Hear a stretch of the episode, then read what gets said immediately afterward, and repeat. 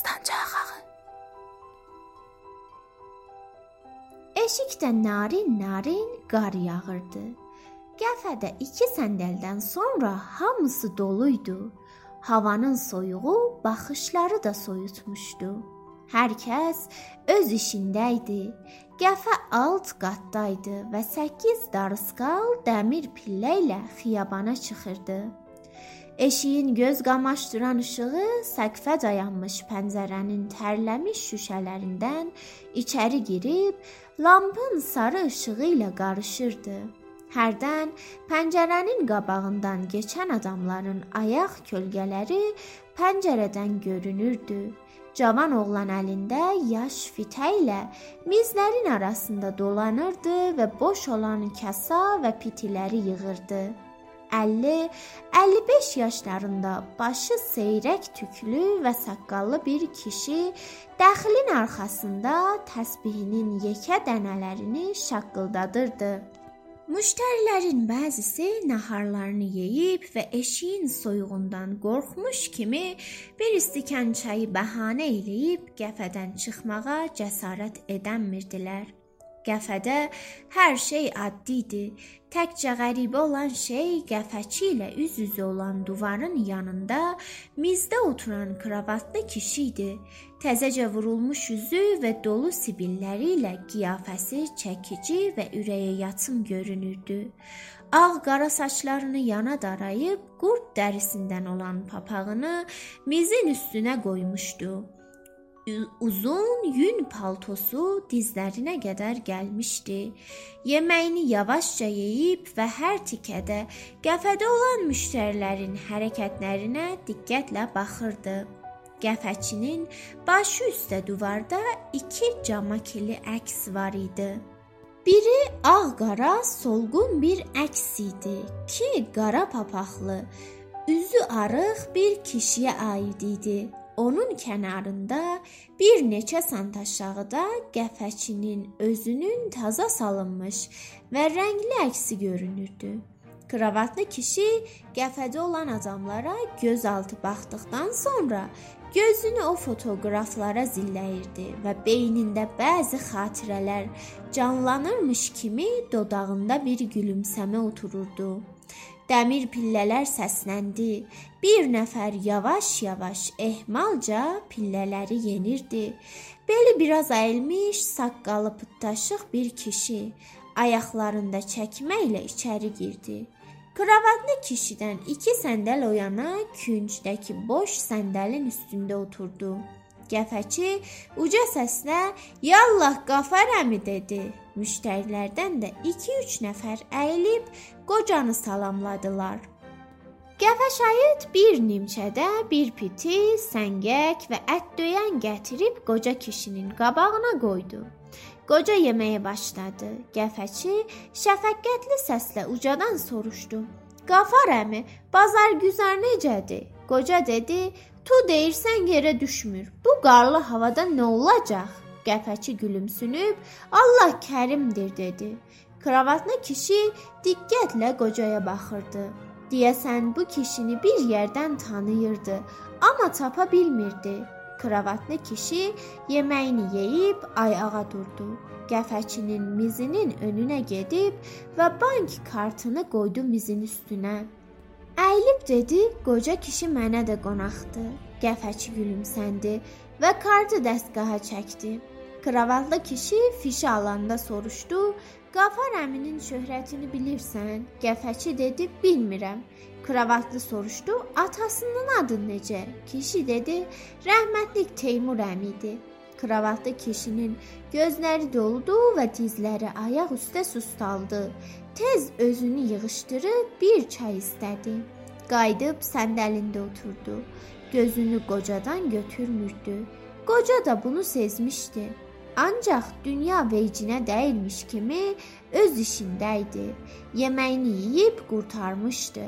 Ayağa qalxıb əlini yaxasından alt köynəyinin cibinə soxaraq daxil başına yeridi. Qəfəçi Qafar əmi, səninki hesablanıb dedi. Qoca dövrəyə baxıb Kim hesapladı dedi. Qəfəçi kravatlı kişiyə baxdı. Qoca kravatlı kişiyə baxaraq gözlərini qıyıb dedi: "Ay kişi, səni dərd görməyəsən, mən axı səni tanımadım." Kravatlı dedi: "Tanıyarsan, qartal qafar." Bunu eşidəndə qoca kişi yaxınlaşdı və diqqətlə kravatlı kişini başdan ayağa süzdü. Kravatlı kişi ona həm tanış, həm yad gəlirdi. Bu ləqəbi eşidəndən qoca öz içində hey uşaqlıq dönəminə get-gəl elirdi. İndi heç kəs onu nə bu adla səslərdi, nə özü tanıyardı. Bu ləqəb sadəcə onun uşaqlıq dönəminin ləqəbi sayılırdı. Uşaqlığında ayağı yer üzü görməzdi. Ya ağac üstündə olardı, ya dam divarda. Ağaca çıxanda hər kəsin çıxa bilmədiyi budaqlara çıxmağı özünə fəxr bilərdi. Qartal kimi ucaları sevərdi.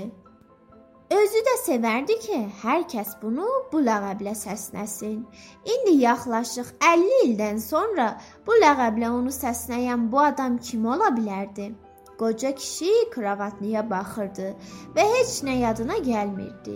Kravatlı kişi gülümsəyirdi və o gülümsədikcə qocanın zehni çaşırdı. Kravatlı kişi gülərək dedi: "Mir Möhsünün ərik bağından çaqqala uğurladığımız yadında? Mən siz oğurluğa gedəndə gözətçiniz olardım." Mir Möhsün gələndə sizi səslərdim. Həşiməm Zohrabın oğlu. Bunu deyəndə qocanı qəhər basdı. Kravatlı kişini qucaqladı. Ay bala, sən nə böyümüsən? Mən deyirdim və sən elə o boyda qalacaqsan dedi. Kravatlı kişi qocanı bağrına basıb gözündən yaş gəlirdi.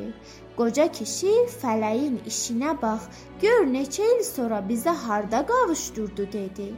İkisi də yenidən səndəllərində oturub, qəfə və ordakiləri unudub uşaqlıq aləminə qayıtdılar. Bütün qəfə onlara baxırdı. Qoca dedi: "Haralardasan? Niyə birdən yox oldunuz?" Kravatlı dedi: "Biz də hər yana dolandıq. Atam iş üçün Mərəndən köçdü. Tehranda oxudum. Sonra çıxdım eşiyə. Buralarda olmurdum. Xaricədə olurdum. Danışqahda dərs deyirdim. İndi taza gəlmişəm. Tehranda otururam. İstədim gəlim bir doğma yurdumu gəzib dolanam. Sən nə insən? Qoca dedi: Fələklə güləşirik. Buraya kimi nə onun mənə gücü çatıb, nə mənim ona. İkimiz də fırlanırıq öz başımıza. O sən gördüyün qartal da indi tövləyə getmiş toyuq kimidir. Kravatlı kişi dedi: "Sən qocalsan da yenə qartalsan, qoca qartal." Qoca kişi mızıldayaraq oxudu: Qoca qartal, nə gəzirsən? Dağlar qoynunda qoynunda. İkisi də uca səslə gülüşdülər. Qəfənin qapısından bir nəfər uca səslə dedi: "Bu daşqanın sahibi burada. İki kəpsul var. Aparacağam Sərdar Milliyə.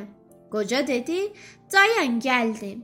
Qoca nə bu uşaqlıq dostunu əldən verə bilirdi, nə qapıda dayanan müştərini.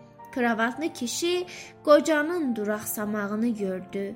Onu bu durumdan qurtarmaq üçün dedi: "Sən işinə yetiş. İnşallah yenə görüşərik bir kağızda şumarəsini yazıb qocaya verib dedi: "Bir işin olsa bu şumarəyə zəng vur."